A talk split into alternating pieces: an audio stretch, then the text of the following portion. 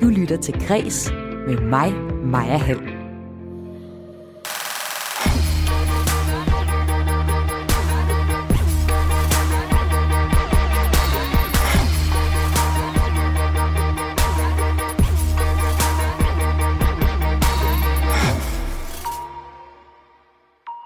Alle rejser til udlandet frarådes, og min udlængsel har aldrig været større. Derfor går turen i dag til oversat litteratur, og vi skal en tur til både Sydkorea og Island. Ungdomsmagasinet Vi Unge er blevet relanceret med mere samfundsstof, men der er stadig masser af modetips og gossip, for det er det, de unge vil have, siger ny chefredaktør på magasinet. Du kan også høre om kulturens øh, fascination af Mars, og om nogle ret rasende bogbloggere, der skal til at betale skat. Jeg hedder Maja Hall. Velkommen til Kres.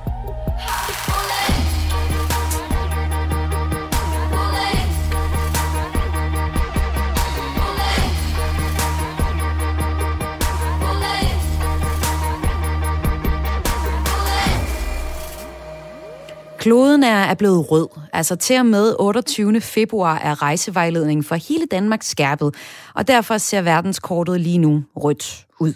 Alle rejser hele verden frarådes, og hvad gør man så, når man er ved at gå til af udlængsel? Længsel efter palmetræer, sandstrande, store byer, fortovscaféer, Åh, mad, der smager anderledes. Sol og faktisk også bare mega meget sne, kunne jeg godt tænke mig. Ja, et bud er at lade den oversatte litteratur stille, i hvert fald lige lidt af udlængslen. Og derfor vil jeg i dag se nærmere på et par af de bøger, som øh, kan tage os med ud mod nye horisonter og udvide vores synsfelt lidt øh, i den her hjemmetid. Turen den går til Island, og så går den til Sydkorea. 안녕하세요. 소설 쓰는 한강입니다. 독자를 만나는 일은 언제나 저에게 놀랍게 느껴지는데요. Det vi hører her er sydkoreanske forfatter Han Kang, som fortæller, at hun er taknemmelig for at kunne nå læsere over hele verden, takket være den, ja, hun kalder det en genfødsel, som hendes bøger kommer igennem, når de bliver oversat til forskellige sprog. Han Kang øh, brød igennem over hele verden med romanen Vegetaren i 2016, da hun fandt den øh, fornemme internationale bogpris Man Booker prisen for bogen. Siden kom så Levende og Døde, og nu er der en ny Han Kang-bog klar til de danske læsere. Den bog, den hedder Hvid. Og det er Gyldendal, som udsender den, og øh, de koreanske ord er så oversat via norsk til dansk af Juliane Vammen, der også stod bag de danske udgaver af Han Kangs andre bøger.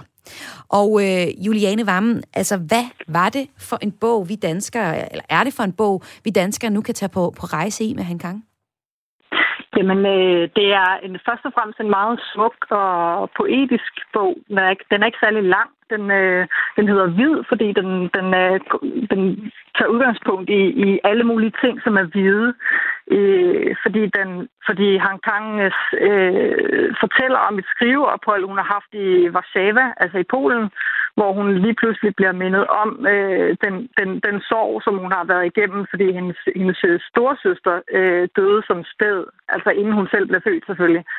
Og, øh, og, så, og så ved at være i Warszawa, som jo er en by, som selv ligesom er præget af at være blevet genopbygget efter at være blevet fuldstændig smadret af 2. verdenskrig, så ser hun alle de her mærker og ser det her, at der er den her nye by, der er blevet bygget oven på det gamle, og så bliver hun mindet om, hvordan hun selv ligesom er et produkt af, at hendes storesøster faktisk døde som spæd.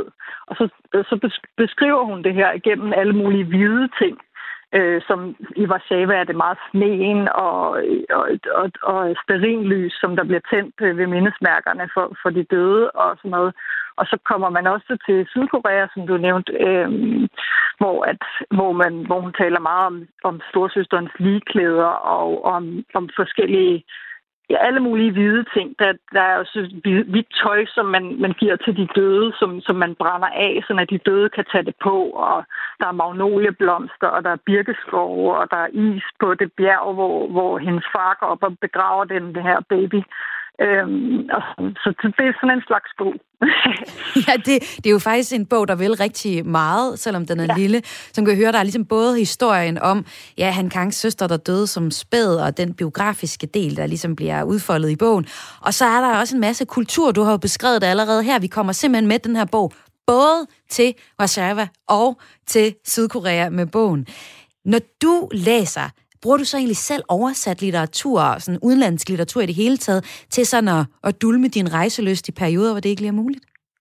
Ja, altså det gør jeg. Altså i den forstand, at øh, når jeg oversætter jo bøgerne, så læser jeg dem. Man læser jo bøgerne meget grundigt, når man oversætter ja. det. Så jeg vil sige, at der, der, der, man kommer jo alle mulige forskellige steder hen, både sådan, både sådan øh, geografisk netop, ligesom her, hvor man kommer to forskellige steder hen og, og, og ind i nogle kulturer, som man måske ikke kender, men også i tid er der jo, kan man jo også rejse øh, med litteraturen, ikke? så man, man kan jo komme alle mulige steder hen, og det er jo noget af det virkelig dejlige, og specielt lige i øjeblikket, som du også nævnte. Så, så ja, og Han Kang, hun, hun, er, hun er så fra Sydkorea, Korea, og det kan man læse endnu mere om, hvis man får fat i hendes tidligere bøger, blandt andet Vegetaren og Levende Døde, som øh, ja. kom på dansk i 2019. Når du så oversætter øh, fra korea, sydkoreansk, altså har du egentlig selv rejst der for at kunne skrive? Ja, men nu oversætter, jeg, ja, nu oversætter jeg faktisk ikke fra sydkoreansk. Jeg oversætter, øh, fordi det, det, er, det er sådan noget... Der, er ikke, der er ikke særlig mange, for øh, ikke at sige, der er ingen der i Danmark, der kan oversætte øh, fra sydkoreansk til dansk, mm. så derfor så oversætter jeg fra øh, engelsk og norsk. Øh, men du beskriver øh, jo stadig sydkoreansk kultur og, ja. og skriver om det. Det, nej, jeg har ikke selv rejst til Sydkorea, jeg, og jeg må indrømme, at jeg kender meget, meget lidt til det, og det, ja. og det, er, faktisk, øh, det er faktisk også derfor, det har været så dejligt at oversætte de her mm. bøger, og derfor læse dem så meget, fordi at jeg lige pludselig synes, at jeg har fået et indblik i den her helt øh, for mig meget fremmed kultur, og altså, et kæmpestort sprog og en kæmpestor kultur, som også er meget sådan på film og sådan noget. Ikke? Vi så det med, med hvad hedder den, Parasite og sådan noget sidste år. At, så der, der, der foregår virkelig meget kulturelt i, i Sydkorea og sådan noget, så det er utroligt spændende. Men, og der kan, man, der, kan man, der kan man få et indtryk af, hvad det er for en slags samfund og natur og sådan noget, gennem at læse de her bøger. Måske specielt faktisk de, de to andre, som du også nævner. Ja, som du nævner der lige kort, ikke? Øh, Parasite, bare lige til jer, der lytter med. Det er også en sydkoreansk, det er sådan en sydkoreansk film fra, fra 19, der øh, vandt hovedprisen på Cannes Filmfestival ja. og fire priser ved Oscar-uddelingen sidste år. Og det var man ret overrasket over. Lige pludselig så fik flere af os faktisk øjnene op for blandt andet sydkoreansk og asiatisk øh, ja, kultur og blandt andet også nogle bøger, som øh, Han Kang skriver. Og ja. du har jo faktisk mødt hende. Hvis vi lige hører klippet med hende igen her. Jeg sætter det lige på her. Bare lige lidt af hende her. 안녕하세요. 소설 쓰는 한강입니다.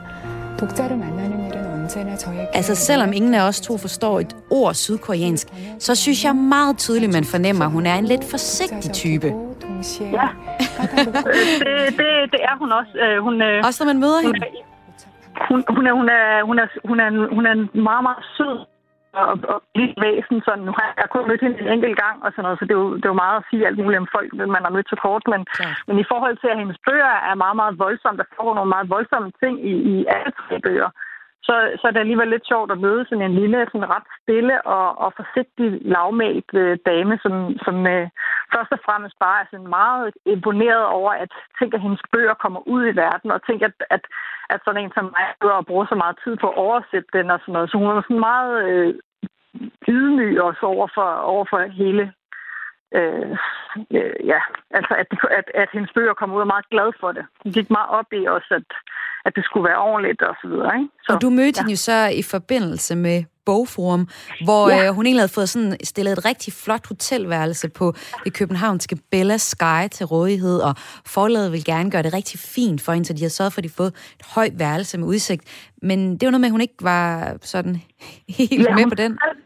Hun fortalte mig, da vi, da vi spiste midt, at hun havde netop fået det her fine værelse. Det er sådan et hotel, hvis man ikke kender det, så er det sådan et hotel, der endda er bygget sådan, at det ligesom skråner ud, ud af. Så hvis man har et af dem, de værelser, der ligger højt op, så kan man nærmest kigge noget ret ned. Mm. Og det er jo selvfølgelig nogen, der synes, det er meget spændende og sådan noget. Men hun, hun har så voldsomt højdeskræk, og det, det, det havde hun ikke kunne lide at sige, så hun havde spenderet ret meget tid på det der værelse med ligesom at sidde så langt væk fra vinduet som muligt.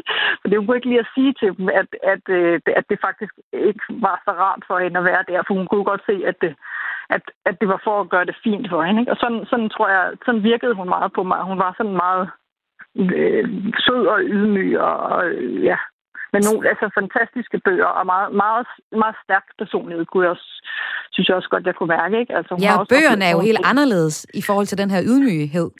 Eller læser ja. du også ydmygheden ind i bøgerne egentlig? Nej, det gør jeg ikke. Altså, jeg, jeg, læser, jeg læser en meget, meget stor styrke og sådan mm. meget stor øh, behov for at, og prøve at undersøge, hvad det er for nogle, hvad, hvad, hvordan er ting, som, som er voldsomme for folk, hvordan de påvirker dem i, i lang tid bagefter, både sådan øh, politiske ting, der sker, men i, i specielt også med den her vid med, med sorg og ja, altså, hvordan det går ind og ligesom i lang, lang tid efter øh, bygger videre i folks personlighed og påvirker deres forhold til andre mennesker og sådan noget. Det beskriver hun meget lavmælt og intenst, men virkelig sådan, altså specielt ved at sige, at levende og døde, som tager udgangspunkt i sådan en massakre, der skete i, øh, i Sydkorea i 1980, den er, den er meget, meget øh, voldsom på, på en meget, meget lavmælt måde. Og det, det i sig selv er, er interessant at læse litteratur, der gør noget andet, end det vi måske er vant til. Så ja. Og øh, jeg skal også lige høre dig, altså havde hun egentlig en holdning til, at hendes bøger ikke bliver oversat fra originalsproget? Altså vi hører jo i, en, i det her klip, som oversat, der fortæller hun om den genfødsel, en oversættelse er. Ja, altså jeg tror, at selvfølgelig tror jeg, at de fleste, og det, sådan har jeg det også selv, vil, vil synes, at det var bedst, at man oversatte direkte fra mm. originalsproget for at undgå så mange misforståelser som muligt. Men, men jeg tror også godt, at hun ved, at det kan være svært at finde øh, kombinationer af alle mulige forskellige sprog. Så hun var for eksempel glad for, at, at vi havde i stedet er oversat fra norsk her i de to sidste bøger, fordi at norsk jo ligger tættere på dansk, så på den måde så er der lidt mindre misforståelser der. Og så har, så har hun jo også, hendes oversætter, hendes engelske oversætter har vundet en pris for sin oversættelse og sådan noget. Så, så hun er, altså hun er gået meget op i, at, at, at, det, at det bliver gjort ordentligt, og det, det, det gør det jo selvfølgelig også, må jeg også sige. Helt sikkert. Det håber vi, Juliane Vammen. Ja. Tak fordi du var med her oversætter af den koreanske roman Hvid, som netop er udsendt på forlaget Gyldendal. Og jeg talte med Juliane Vammen om den her bog, fordi jeg prøver at rejse ud i verden gennem oversat litteratur.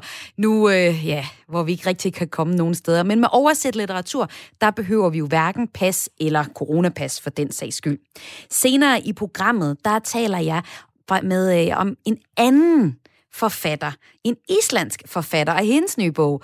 Og øh, så skal vi også høre om, hvorfor vi skal læse oversatte romaner. Jeg kunne godt tænke mig lige at spille et lille, lille snas af et nummer for dig, fordi det der med lige at, at komme lidt ud i verden, ikke? Altså, så kan man også høre noget musik ud fra verden. Og øh, du får lige lidt af nummeret, øh, der hedder How You Like That. Det er med K-pop-bandet Blackpink, som er en vanvittig historie, du kan høre mere om, hvis du finder dokumentaren på Netflix. Det er sådan en gruppe, der er skabt på en skole, ikke? hvor de bare tæsker igennem og arbejder løs for at blive til den her perfekte popgruppe.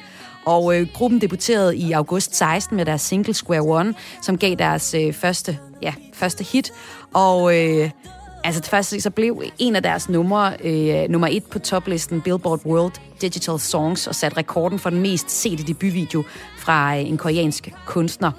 De er så ikke længere aktive, men musikken den lever endnu, og vi snupper lige et par minutter af Blackpink. How you like that?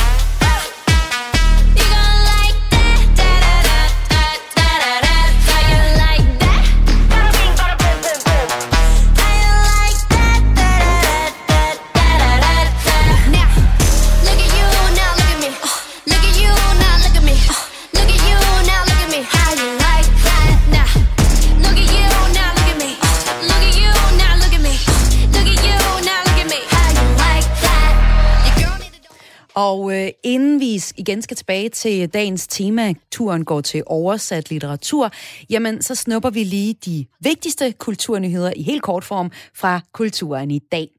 Og jeg starter i Spanien, fordi den spanske rapper Pablo Hassel er blevet anholdt, fordi musikken er for glorificerende over for terrorisme. Sabiendo que es mío este cerebro, su manipulación siempre quiebro. Y que me ataquen, doy combate, mi fortaleza es gigante. Y si me apena, irá la trena. La dictadura Og det er altså det her, der er musikken, ikke? Men hvis du ikke er helt stærk i spansk rapmusik, så er du tilgivet. Og øh, det, der bliver sunget om i den her tekst, det er, ja, hvad man kalder glorificerende over for terrorisme og majestæt fornærmende. Det mener i hvert fald de spanske myndigheder, som Pablo Hassel skal Ja, de skal, han skal man derfor ni måneder i fængsel. Men øh, fængselsdommen, den møder stor modstand blandt andet fra hans fans og andre kunstnere, det skriver DR.dk. 200 andre kunstnere har offentligt støttet rapperen og udvist deres modstand mod dommen mod majestæt fornærmelse. Og det er blandt andet øh, den kæmpe store spanske filminstruktør Pedro Almodovar, som øh, er Oscar-vinder, og han synes altså ikke, at det er i orden det her. Rapperen han tilhører den øh, spanske venstrefløj og har tidlig været øh, på kant med loven. Det er blandt andet øh, formuleringer om voldelige øh, dranker, mafiabosser og prostitutionsbesøg, som rapperen har brugt om den spanske konge, skriver altså DRDK. Og ifølge Carsten Humlebæk, som er forsker i spansk litteratur, så bliver rapperens dom en del af en større historie om ytringsfrihed og om Kataloniens selvstændighed, og det er også det, som dommen skal ses i lyset af, fortæller han til DR.dk. I aften forsøger NASA at lande med en rover på planeten Mars. En specialbygget rumbil, som skal udforske den røde planet. Og der er masser af dansk øh, teknologi i den her rejse. Og en nyhed, som rigtig mange rumnørder selvfølgelig skal følge med i. Men øh, hvilken rolle har planeten Mars egentlig spillet i kulturen?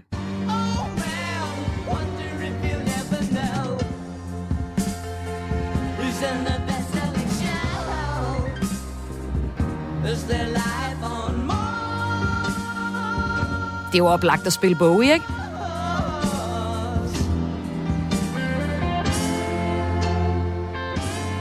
Is Still Life on Mars. Selvom øh, spørgsmålet jo skal besvares i naturvidenskaben, så er spørgsmålet også stillet i kulturen. Og i den sammenhæng, ja i hvert fald med Bowies øh, spørgsmål, det er nok det mest kendte. Men her kommer tre andre eksempel, eksempler på, hvordan øh, kulturen har omfavnet Mars. Det er sådan, i slutningen af 1800-tallet, der observerede en italiensk astronom noget, nogle slags kanaler på Mars overflade. Den oplevelse blev, opdagelse blev fejlagtigt fortolket som, at der fandtes kanaler, måske skabt af Marsmænd på Mars. Og det gjorde, at Mars blev et kæmpe fænomen, også i kulturen. For eksempel på baggrund af det, så skrev H.G. Wells i øh, 1889 Klodens kamp om kampen mellem Jorden og Mars, og øh, det fortalte blandt andet science fiction oversætter Stig W. Jørgensen til Information i 2012. Det er så vores første eksempel. Vores andet eksempel, jamen øh, der skal vi lidt længere frem i tiden, fordi i midt-90'erne, der gjorde naturvidenskaben en opdagelse om Mars, der mm, handlede om, at der måske skulle være vand på Mars. Og det fandt vi så ud efter nogle år, at det var nok ikke helt den opdagelse, der kunne sige noget om det. Men det betød igen at Mars blev vanvittigt interessant, også i kulturen. Det betød for eksempel, at David Bowies hit fra 71 hittede igen, og øh, Mars blev igen populær i, øh, på kulturen. Altså, der var simpelthen film, øh, filmatiseringer af gamle Mars-historier. Gen øh, filmatiseringer. Der var for eksempel Tim Burtons Mars Attack, og der var en hel masse computer- og konsolspil, der udkom i årene efter, alle med Mars som omdrejningspunkt. Så er der det tredje eksempel. Øh, de seneste år så har Mars øh, igen snedet sig ind i kulturen. For eksempel i filmen The Martian fra 2015 med Matt Damon i hovedrollen. En film, som øh, meget vel kan ligne det projekt, ham her Elon Musk har startet. Det er stifteren af SpaceX. Og øh, det er et projekt, som ultimativt har til formål at sende mennesker til Mars for at leve. Så her havde du altså tre eksempler på, hvordan kulturen også er ret interesseret i Mars-ekspeditionen. Den sidste korte nyhedshistorie handler om bogblokker, og de er blevet rasende over en ny skatteregel. I stedet for stjerner eller hjerter, så giver jeg kaffekopper. De mennesker, som aviserne måske ikke lige appellerer til, de mennesker kan måske bruge vores korte format til noget. Og nogle gange vil de bare gerne høre, om man synes, bogen var god eller dårlig. Det her var bogbloggeren Maria Johansen, der driver bogbloggen Book Me Up Scotty. Klippet her, det var fra et interview til TV2 Fyn. Og øh, hun er en af dem, der er blevet ramt af Skattestyrelsens nye skatteregler. De nye skatteregler betyder, at hvad man kalder amatøranmeldere eller bogbloggere, de skal beskattes af de bøger, de anmelder. Og det betyder, at øh, bloggerne beskattes af bogens fulde værdi, fordi bogen bliver anset som en gave fra forlagene, og derfor skal de beskattes, ligesom når andre Instagrammer modtager tøj for eksempel. Men den regel, den svækker incitamentet for at anmelde bøger som blogger. Det mener Annette Andersen, der står bag bogbloggen Annettes Litteratursalon, og det siger hun til Kulturmonitor. Ifølge Annette Andersen, og som vi sådan set også kunne høre i klippet her, så kan det betyde, at bloggerne i fremtiden kun vil anmelde de populære forfattere og de store forlag. Og det kan så betyde, at nystartede forfatter fra de helt små forlag ikke får deres bøger anmeldt, og dermed bliver udsultet. Det er i hvert fald bogbloggernes egne kommentar til det her. Vi følger op på historien senere her i øh, Kreds, måske i næste uge. Og øh, så skal vi til en historie om magasinet Vi Unge. Og jeg står med det her. Jeg er fat i det. Vi unge relanceres og skruer op for samfundsstoffet. Øh, og jeg har fået fat i en udgave her. Det er pakket ind i øh, en pose med en lækker lipgloss. Vel, mellem tre farver, står der. Hvad jeg så kan se på forsiden, at øh, magasinet handler om i den her udgave, der er 13 siders mode, der er sexisme i skoletiden, noget vi unge undersøger. Der er nogle interviews med kendiser, og så er der også sådan et øh, iværksætteragtigt interview med Isabella fra Design til By Sea. Og et kæmpestort interview med øh, Grænser, som er en øh, ungdomsserie, og det er også dem, der præger forsiden. Men øh, et fysisk magasin om mode, sexisme og kendistof, er det relevant for unge i 2021? Det kan jeg jo spørge dig om, chefredaktør for Vi Unge, Nikita Hoffmann Andersen. Velkommen til. Tak skal du have. Er det øh, relevant med sådan et øh, fysisk magasin for unge i 2021? Det er absolut stadig relevant at have et øh, fysisk magasin og en fysisk udgave af Vi Unge i øh, 2021. Der er ingen tvivl om, det viser øh, vores, øh, vores analyser, som vi laver i øh, alle medier, som udgiver Vi Unge hver år, at, øh, at både forældre og de unge synes, at de bruger for meget tid på telefonen. Øh, og der er noget helt andet i at sætte sig ned med et, øh, et fysisk printmagasin. Det er et bevidst valg om, at øh, nu skal jeg have noget information eller noget underholdning i modsætning til den øh, nærmest afhængige scrolling, som mange af os nok er offer for hver dag. Og lad os så kigge lidt ind i magasinet og se, hvad I dækker. Altså, I vil øh, skrue op for samfundsstoffet, og øh, blandt andet kan man finde øh, en side omkring bæredygtighed, og der er også noget om ja, køn og diversitet, i hvert fald i den her øh, sexisme i skoletiden, hvor I undersøger, om det er noget, øh, vi unges brugere har oplevet. oplevet. Men der er jo også øh, emner, som jeg kender fra dengang jeg abonnerede på øh, Vi Unge som ung, altså om mode, om kendiser og skønhed. Hvorfor vil I blive ved med at dække de her emner? Er der ikke rigeligt af det på Instagram? Eller TikTok? Øh, jo, altså det er der jo helt sikkert både på Instagram og på TikTok, men, øh, men som ung, øh, og det er sådan set lige meget hvilken alder man har, så interesserer man sig jo meget sjældent kun for én ting. Øh, vi unge, det, øh, det viser alle facetter af teenage-livet, og det er jo både de eviggyldige tematikker, som for eksempel vores brevkasse og og vores øh, sider omkring sex og krop, mode og skønhed tager op. Men så er det også nye tematikker, som især inden for de sidste par år er blevet, øh, er blevet ekstra relevante. Og det er for eksempel noget af det, som du nævner, som vi har i den første udgave her af det relancerede magasin, som er øh, omkring sexisme og bæredygtighed og astrologi. Øh, vi tror selvfølgelig ikke på, at det ene udelukker det andet. Man, man har jo mange interesser og mange øh, facetter af sit liv, ligegyldigt om man er teenager eller hvor gammel man er. Så det hele skal selvfølgelig rummes i de unge. Men jeg kan ikke lade være med at tænke på, hvorfor det skal være en reklamesøjle. Vi ved jo, at de unge de er mere sårbare end mange andre øh, i forhold til at blive spammet med reklamer. Hvorfor vi, hvorfor vi fortælle om skønhedsprodukter? Det er klart, der er nogle juridiske regler for, hvordan man reklamerer til, til vores målgruppe. Det er selvfølgelig overholdt. Øh, men, men når man er 14-15 år, og man måske lige pludselig oplever, at ens hud eller ens krop ændrer sig, så er det jo utopisk at tro, at man ikke øh, har en, en form for forfængelighed eller nysgerrighed på, hvordan man så skal reagere på det. Så fortæller vi selvfølgelig om, hvad det er for nogle produkter, du kan bruge på en, øh, på en super øh, øh, ordentlig måde, synes vi jo selv, hvor at, øh, det ikke handler om, at du skal blive øh, smukkere eller dejligere, men at du skal øh, have det godt med dig selv på den måde, som, som du nu engang har lyst til at, at gøre det.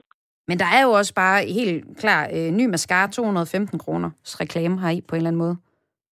Ja, men der er jo også masser af unge mennesker, der går med mascara og har lyst til at få et tip til, hvilken en, der er den bedste på markedet. Men jeg kan ikke lade være med at tænke, altså bliver I nødt til at lave de her beauty... Øh, artikler og øh, hvad er der flere, fem, seks, syv siders øh, mode, for at det ligesom kan glide ned alt det, alt det vigtige? Mm, det er helt klart, at vores vores læsere har et ønske om, at det skal være øh, let øh, i kombination med tungt. At, øh, at, at mange af vores i målgruppen er ikke interesseret i et, et, et fuldstændig aktivistisk blad, der, øh, der kun er lange artikler. Øh, og det er jo selvfølgelig også fordi, at de udviser en interesse for det andet stof. Hvis de ikke gjorde det, så ville vi jo ikke lave det. Ja, eller så er det det, der er øh, at hente fra hylderne. Øh, Udover vi unge, så kan man få sådan Anders Sandblad og sådan nogle Disney-magasiner. Så er det måske fordi, der ikke er så meget mere at hente det spørgsmål, så jeg lige skal bede dig om at omformulere. Jeg... Hvis det er det eneste, man kan få som ung, så læser man det vel også, når det er det, der er? Ja, altså der er, jo ikke, der, er jo, der er jo ikke nogen læsetvang, kan man sige. Det er jo ret tydeligt, hvad vores målgruppe interesserer sig for. Vi får mm. dagligt rigtig mange spørgsmål øh, fra vores følgere, både på Instagram og på mail, og, og det er altså det her indhold, øh, de, de efterspørger. Øh, der er ingen tvivl om, at når man er teenager, så vil man, så vil man også gerne se godt ud. Vi står mm. alle sammen op hver morgen og tager tøj på, og, øh, og, øh, og mange af vores læsere er også interesserede i øh, at, at få noget guidance inden for det område, og det er også derfor, at det er det, øh, vi laver. Jeg spurgte også ud på min lille bitte Facebook, om der var nogen, der havde øh, nogle spørgsmål til, hvad, eller nogle kommentarer til, hvad de godt gad at se i sådan et magasin. Og der var blandt andet nogle mødre, der svarede. Og øh, Pernille, hun skriver, jeg har en drøm om, at Lille skal opdrages til at blive en badass kvinde, klædt i, hvad fanden hun vil. Synes faktisk øh, en god debat, at der er en god debat i gang pt. om tøj, der skal respekteres og ikke respekteres. Hvis man advokat kommer og klædt i glitter, sker der så noget med autoriteten. Det gad jeg godt, der kunne laves om på, og at Lille, Lille kunne læse om det i Vi Unge. Finder man også sådan noget opgør med stereotyper i det nye relancering af Vi Unge? Helt bestemt. Altså helt generelt, så har vi jo luet ud i alle former for normative betegnelser. Øh, vi går ikke ud fra, at øh, du er hverken det ene eller det andet. Og jeg synes, at ideen omkring den debat, der øh, er i gang i øjeblikket i forhold til kvinders for eksempel påklædning, er en super god idé. Og vi tager jo altid imod idéer fra vores målgruppe, så, så den er der skrevet på listen med det samme. Der er også en, der hedder Rasmus, der skriver, Teen Vogue i USA er blevet markant mere politisk orienteret, mere progressiv, mere Vogue. Er det en bane, som øh, I vil følge? Jamen, det er da klart, at vi følger jo med øh, i mediebranchen og, og generelt, hvad det er for en vej, vinden blæser, og, øh, og selvfølgelig har vi også orienteret os øh, i Teen Vogue. Og øh, så skriver Eva, jeg øh, tænker, man kunne spørge de unge selv, hvad de ikke kan få gennem de sociale medier. Sociale medier dækker jo en stor del af indholdet fra øh, dengang, alt fra idoler til sex og skønhedstip. Måske øh, der er noget behov for at samle op, men altså i det hele taget, så ser hun gerne noget om kropsidealer, bæredygtige lifehacks og selvfølgelig brevkasse. Og det kan jeg bare se, der er mange, der skriver om. Og jeg kan faktisk se, at I har den også nu, den her brevkasse, hvor man kan skrive ind om øh, sin krop, blandt andet. Præcis. Altså i virkeligheden er, er alle de ting, som uh, den sidste kommentar der, du nævnte, mm. faktisk i det nye unge. Så jeg synes da bare, hun skal øh, gå ned og købe det. ja, jeg ved, at hendes barn ikke er helt gammel nok til det nu, men det kan være, at Eva selv kan få noget ud af, af vi unge også nu. Så er der lige den sidste kommentar. Det er egentlig bare en, der, der bifalder relanceringen her. Det er Ronja. Hun skriver, jeg har ikke et ægte input, men jeg vil bare sige, at det er skønt at se, at vi unge er vendt tilbage tilbage til den målgruppe, som den var henvendt til før makeoveren i cirka år 2000. Jeg holdt bladet fra maj 99 til december 2004 og læste nærmest religiøst de første år. I den periode blev jeg ganske vist mere voksen, men det var som om, at bladet blev dobbelt så hurtigt, blev mere børnet. Som om, øh, som voksen gravede jeg så på et tidspunkt tilbage i bladene, frem igen for at finde ud af, om der var noget, jeg havde bildt mig ind, men det var det ikke. Bladet henvendte sig tydeligt til en lidt yngre målgruppe i de år den har virkelig manglet, der har virkelig manglet et godt tilbud til de 13 plus teenager. Jeg håber virkelig, at det nye vi unge kan være det. Kommer det til at være det? Ja, det er da absolut øh, både vores ambition og vores, øh, vores mål. Så ja, det vil jeg sige ja til. Og så skal jeg lige høre dig selv her til sidst. Men når vi lige vender tilbage til det her, hvorfor vi har brug for et fysisk magasin til unge. Der er øh, webmagasinet Sign. Det er sådan et magasin og også et fællesskab til unge. Og det er noget, der er skrevet af unge til unge. Og det lyder virkelig som fremtiden i mine journalistører, hvor jeg ved, hvor hårdt det er for vores branche at udkomme i fysisk format. Hvilket univers tilbyder I online til de unge? Det er selvfølgelig hele vi unges øh, univers, der er blevet relanceret. Det gælder jo også vores online-muligheder. Øh, øh, muligheder. Vi har jo øh, selvfølgelig vi unge.dk, hvor vi øh, dagligt udkommer med øh, en masse spændende artikler. Så har vi vores Instagram-profil, og øh, så har vi en podcast-serie lige nu, der kører vores format Throwback, hvor vi øh, inviterer nogle forskellige gæster ind til at tale om øh, teenage-livet. Øh, og alt det har selvfølgelig øh, levet op til den øh, relancering, som øh, hele det unges univers har gennemgået. Tak fordi du var med her, chefredaktør for Vi Unge, Nikita Hoffmann Andersen. Selv tak. Og øh, Vi Unge, det er udkommet under sit nuværende navn siden 1963. På et tidspunkt så var det lidt både til drenge og piger, og jeg ved, at det er noget, vi unge redaktionen taler om lige nu, om øh, man skal fortsætte kun ja, målrette det piger, eller måske skal der ikke rigtig være noget køn på det. Det synes jeg er meget spændende at følge med i, om øh, vi unge tør at være så woke og ikke sætte et køn på. Jeg kan lige sige, at øh, Nikita Hoffmann Andersen, hun øh, tiltrådte som ny chefredaktør på Vi Unge i sidste år, og det er altså med hende, at de nu relancerer på eller pladet her. Du lytter til Kres med mig, Maja Hall. Der fik jeg lige sat en forkert jingle på. Og nu Ja, i første del af programmet kom vi næsten en tur til Sydkorea med Juliane Vammen, som har oversat den nye roman Hvid af den sydkoreanske forfatter Han Kang. Og nu skal vi øh, til et helt andet verdenshjørne, men også båret på litteraturens vinger. Der er nemlig en ny bog ude på det danske marked af den populære islandske forfatter Kristin Maja Baldurs Dortir. Og med den bog, der skal vi faktisk på en eller anden måde tilbage til 60'erne.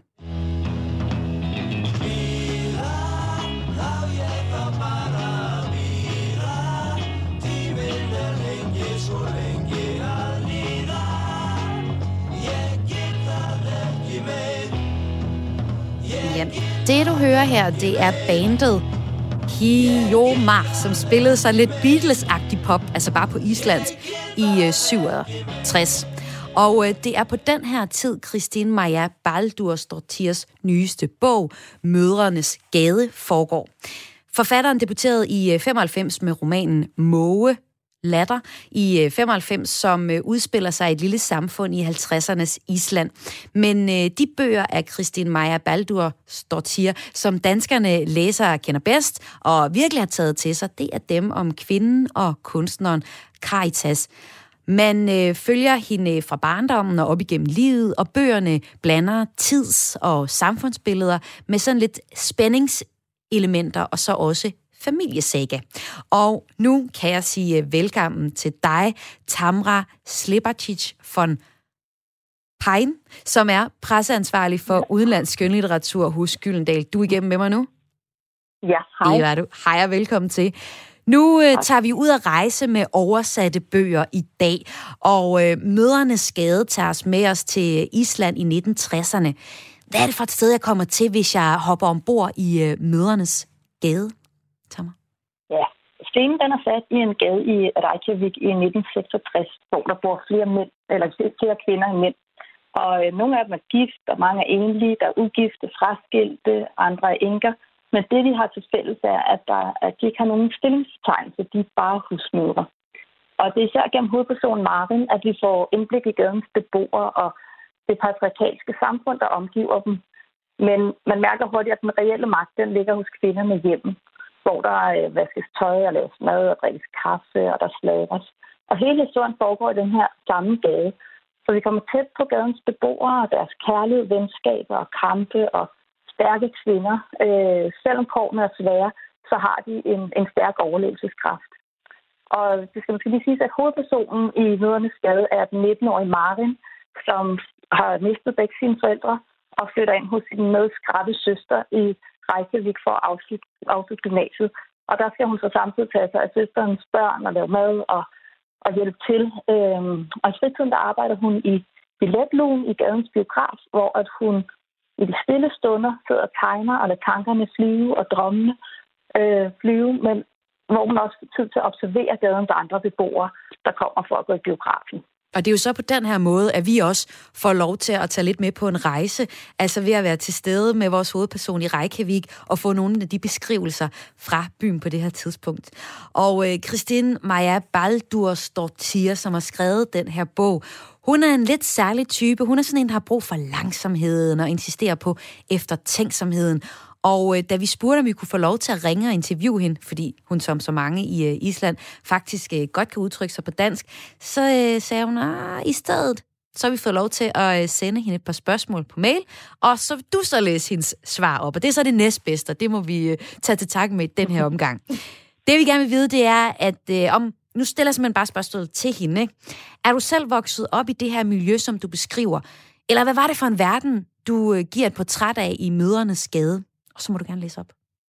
Ja, jeg læser op, ja. Jeg er ikke vokset op i det samme miljø, som der er beskrevet i bogen, men jeg har været tæt på lignende miljøer og atmosfære. Min historie er en anden end Martin. Mine forældre var bare 18 år, da jeg blev født, og det var ikke meningen, at de skulle være sammen. Så det endte med, at jeg voksede op hos min fars forældre i en lille by tæt på Reykjavik. Dengang, før tv og computer, var der altid børn ude at lege. Vi fiskede i havnen, skøjtede på søen og blev ude til sent på de solrige sommeraftener. Hver søndag gik vi i biografen, og jeg kunne tilbringe timer på biblioteket for dybde bøger eller bruge en eftermiddag i svømmehallen. Og der vil jeg lige indskyde, at altså, hendes egen opvækst, den har ikke sådan været snor lige, og begge hendes forældre giftede sig med andre og fik børn med dem, og hun voksede så op som ene barn mm. hos sine bedste forældre. Nu læser jeg lige videre op af hendes svar. Det portræt, jeg forsøger at give i mødernes skade, er Reykjavik i 1966. Dengang i 60'erne var det islandske samfund stagneret mænd styrede landet og kvinderne hjemme. Det islandske fjernsyn kom først i efteråret 1966, og p-pillen det samme år, men kun for gifte kvinder. Men der var liv på gaderne, og man drak kaffe hos hinanden og snakkede om livet og andre mennesker. Man havde en følelse af at være deltager i samfundet. De fleste kvinder var hjemmegående, og meget få havde uddannelse og arbejde. Især var der ikke mange med en akademisk uddannelse. Men som man nok fornemmer i min roman, ulmede forandringerne. Teenagerne gik ud og dansede takket være The Beatles og Rolling Stones og mødrene var utilfredse med det hjemmegående liv og trætte af at servicere mændene. Og det er jo så altså den her rejse, man kan komme på, hvis man øh, får fat i den her bog, som øh, vi taler om nu, hvor vi tager over den hedder Mødernes Skade, hvor vi taler om øh, oversat litteratur. Spørgsmål nummer to til Christine Maja Baldursdottir er, hvad vil du gerne have, at læseren har med sig, når de læser Mødernes Skade? Så må du gerne læse op der. Ja, jeg læser. Jeg ønsker, at læserne skal tage det, de kan bruge fra bogen. Jeg vil ikke ødelægge deres oplevelse ved at fortælle dem, hvad jeg tænkte, eller hvad jeg synes, de skal tænke. Jeg ønsker for læserne, at de selv skal dykke dybt og finde deres egen mening. Men jeg kan fortælle, at da jeg besluttede, at romanen skulle foregå en gade i 1960'erne, var det netop fordi, jeg gerne ville studere menneskets trang til at observere andre mennesker. I dag lever vi jo i en tid, der nærmest kræver, at man gør sit privatliv offentligt på de sociale medier, og Google følger med i alt, hvad vi gør i den digitale verden. Men i 60'erne observerede man også hinanden, bare på en anden måde. Man kendte de fleste i sin gade, man snakkede om de mennesker, som der boede der, og man holdt øje med hinanden på godt og ondt. Om et ægtepar for eksempel skulle skilles, eller om der var nogen, som havde alt for mange penge, eller nogen, som havde brug for hjælp på grund af fattigdom.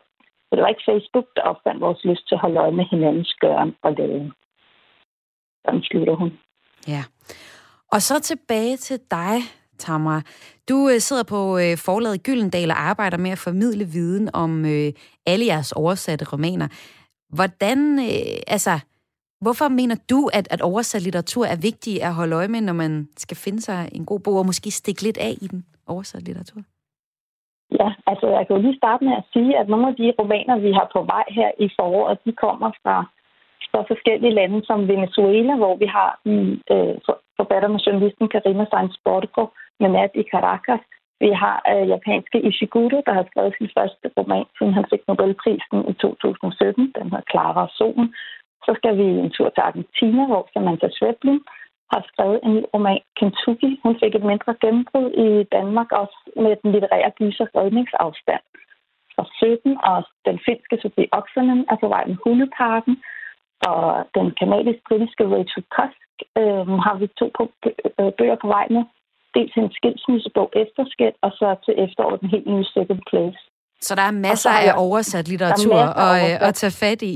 Og hvorfor mener du, det er vigtigt at holde øje med, med den oversatte litteratur lige præcis? At jeg kan ja. godt tit forfalde mig til den danske litteratur. Men hvad, mm. hvad får jeg ud af at oversætte, ud over rejsen ud i verden, ikke? Ja, altså det, der er vigtigt, det er jo, at vi også stimulerer vores interesse for andre verdener og andre kulturer. Og det gør man allerbedst ved at komme ind i hovedet på nogle personer fra de steder. Altså, har selv læst italiensk og holder også altid øje med, om der er nyt derfra. Men der er jo bøger fra ufattelig mange spændende steder. Og jeg har også været ret passioneret omkring netop det der med at prøve os ud over måske både det danske, men også anglosaksiske, som nogle gange kan være lidt en lette løsning. Men at vi udvider vores horisont, ikke som en pligt, men det er mere, at man let snyder sig selv, hvis man kun læser engelsk og amerikansk litteratur. Og, øh, men, men det er måske også ændret sig lidt. Altså i takt med Netflix, vi har mange serier fra forskellige lande, fra Tyrkiet og Finland, mm. Kroatien, Spanien, Frankrig, Italien, altså hvor vi er, er, har åbnet ørerne lidt og, og bliver bragt ind i andre landes sprog og kulturer og hverdag og politiske liv. Og det kan måske også være med til at åbne offentlighedens interesse omkring meget anderledes litteratur. Og hvis jeg må, meget, ja, øh, Ja, og ja. hvis jeg må, må forsvare også offentligheden, ikke, så er det jo også nogle gange, eller så er det i hvert fald for mig, nogle gange svært at læse en bog øh, af en udenlandsk forfatter, fordi jeg har svært ved at referere øh, og forstå de referencer, der er i bogen, så derfor hjælper det mig, når jeg har set den her for eksempel sydkoreanske film Parasite, at jeg har en eller anden idé om, hvordan gaderne ser ud, når jeg så læser en anden sydkoreanske bog, for eksempel den her Hvid, vi talte om tidligere i, ja. i programmet. Så når du læser oversat litteratur, laver du så egentlig lige sådan en Google-søgning på, hvordan øh, det er at være i det land, eller sådan, hvad der lige rykker, og hvad de spiser og sådan noget? jo, altså, eller det kan jo komme mange steder fra. Altså, film er en mulighed, eller musik, eller et eller andet, hvor man øh, altså, får en eller anden input øh, derfra. Men Øh, Øh, og nogle gange så, altså jeg tænkte på øh, Shamish Party på den iranske forfatter. Hun dragede igennem øh, kvinder uden mænd. Og der har oversætterne Silla Kifik skrevet et ret øh, fint øh, efterord.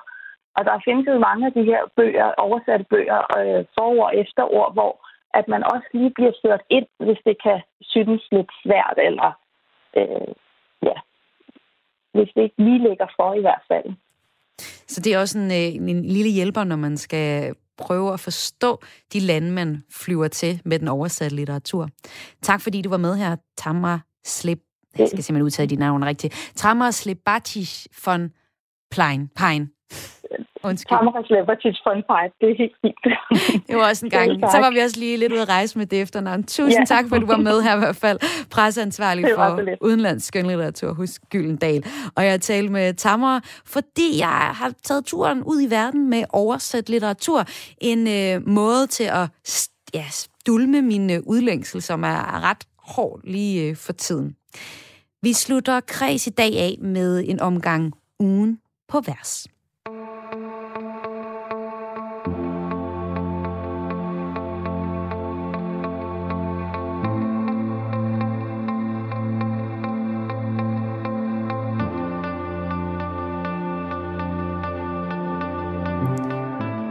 Stjernekok går konkurs. Mikkel Hansen vender hjem til Danmark i 2022. Ny virusvariant fundet i Finland. Det her det er bare øh, tre ud af rigtig, rigtig mange overskrifter, jeg øh, scroller igennem, øh, har scrollet igennem i dag. Og øh, sådan er det jo, altså der er en milliard overskrifter, og en milliard historier at følge med i, og det er der hver eneste dag. Derfor her sidst på ugen, der trækker jeg lige i håndbremsen, og så inviterer jeg en øh, poet, en forfatter ind i studiet til at sætte ugen på vers. De vælger en nyhed fra ugen, der gik, og så skriver de den om til noget poesi, så det er lidt nemmere at fordøje. Og i dag, der har jeg Sasha Raymond med. Velkommen øh, til dig. Tusind tak. Du øh, er forfatter, og øh, du har påtaget dig den her øh, opgave at skrive et digt ud fra en nyhedshistorie. Hvilken nyhed har du valgt, Sasha? Jamen, øh, jeg var faktisk ret i tvivl om, hvilken nyhed jeg skulle vælge, fordi jeg havde som udgangspunkt tænkt, at jeg gerne ville skrive noget omkring klimakrisen. Fordi at øh, hver gang, at jeg får lidt taletid, så øh, har jeg egentlig lyst til at bringe det på banen. Øh, og jeg skrev en masse artikler igennem, og endte faktisk med en artikel, som hed Træbiomasse er en dårlig klimaløsning. Hvorfor vagt den her historie lige præcis øh, din opmærksomhed? Øh, jamen, der er selvfølgelig der er mange øh, vigtige historier, øh, som jeg kunne have valgt, men øh, eftersom jeg gerne ville skrive noget om klimakrisen, så, så havde jeg faktisk ikke så mange valgmuligheder, fordi det vrimlede egentlig ikke med artikler om det emne. Hvorfor er det, du så gerne vil skrive om klimakrisen, Sasha? Jamen, jeg tror, jeg har det egentlig sådan, at, øh, at det er et emne, der vedkommer os alle sammen så meget, at jeg synes, at, at, øh, at det er noget, vi egentlig burde snakke meget mere om, end vi gør lige nu. Så derfor så øh, føler jeg lidt en pligt til at bringe det på banen, når jeg har muligheden for det.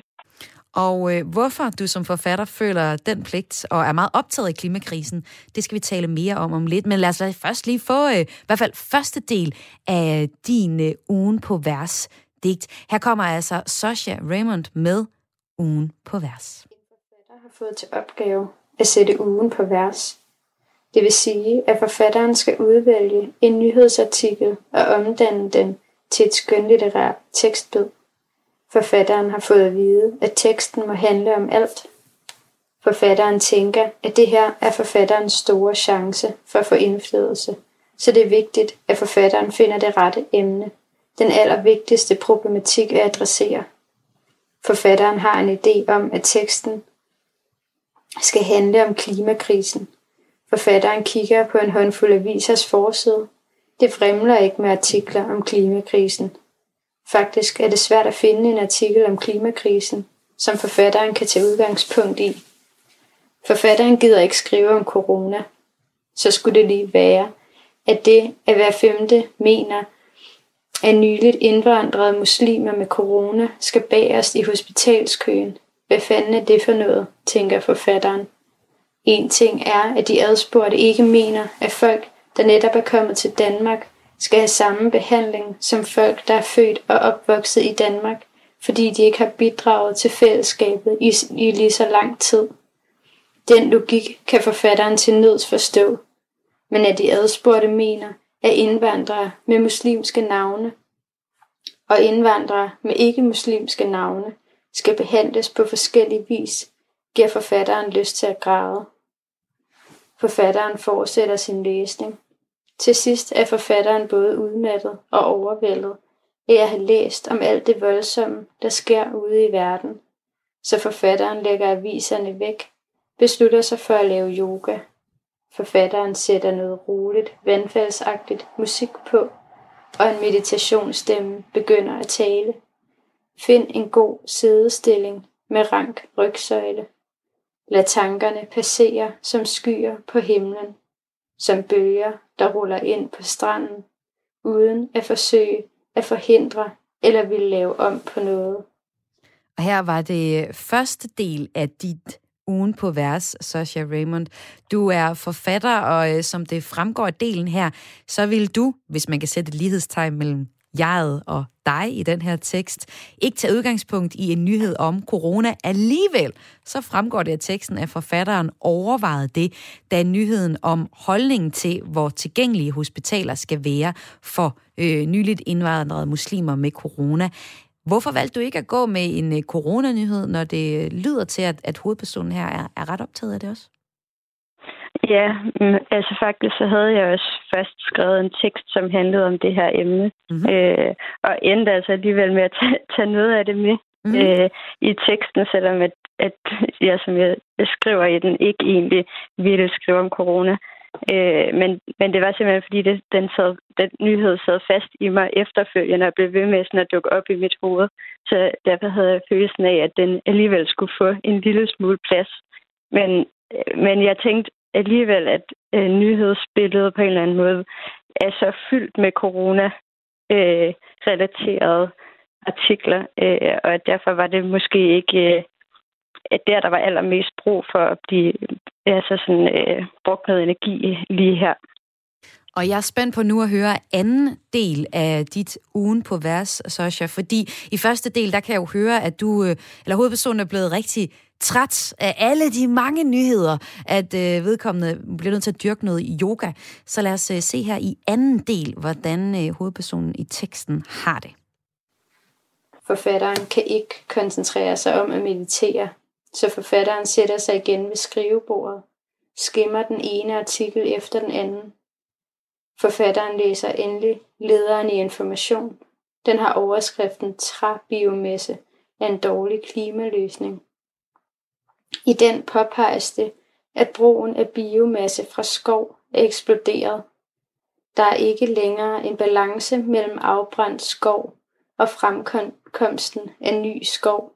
På den måde frigives der mere CO2, end der optages. Hvis der er balance mellem de to, er biomasse en klimaneutral energiform. Men hvis ikke, er brugen af biomasse faktisk klimaskadeligt. Det ved de danske politikere godt. Og i 2020 blev der indgået en aftale, hvor kravene for importeret biomasse blev indskærpet. Men biomasse udgør dog stadig en væsentlig del af den danske energiforsyning. Det giver forfatteren lyst til at græde igen. Forfatteren bliver trist over, at aviserne ikke er fulde af artikler om klimakrisen og undersøgelser og analyser af den. At det ikke er et emne, der tager mest, at det ikke er det emne, der tager mest plads i samfundsdebatten.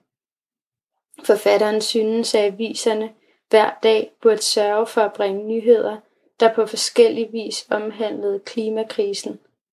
Forfatteren har en psykologtid, som forfatteren havde glemt.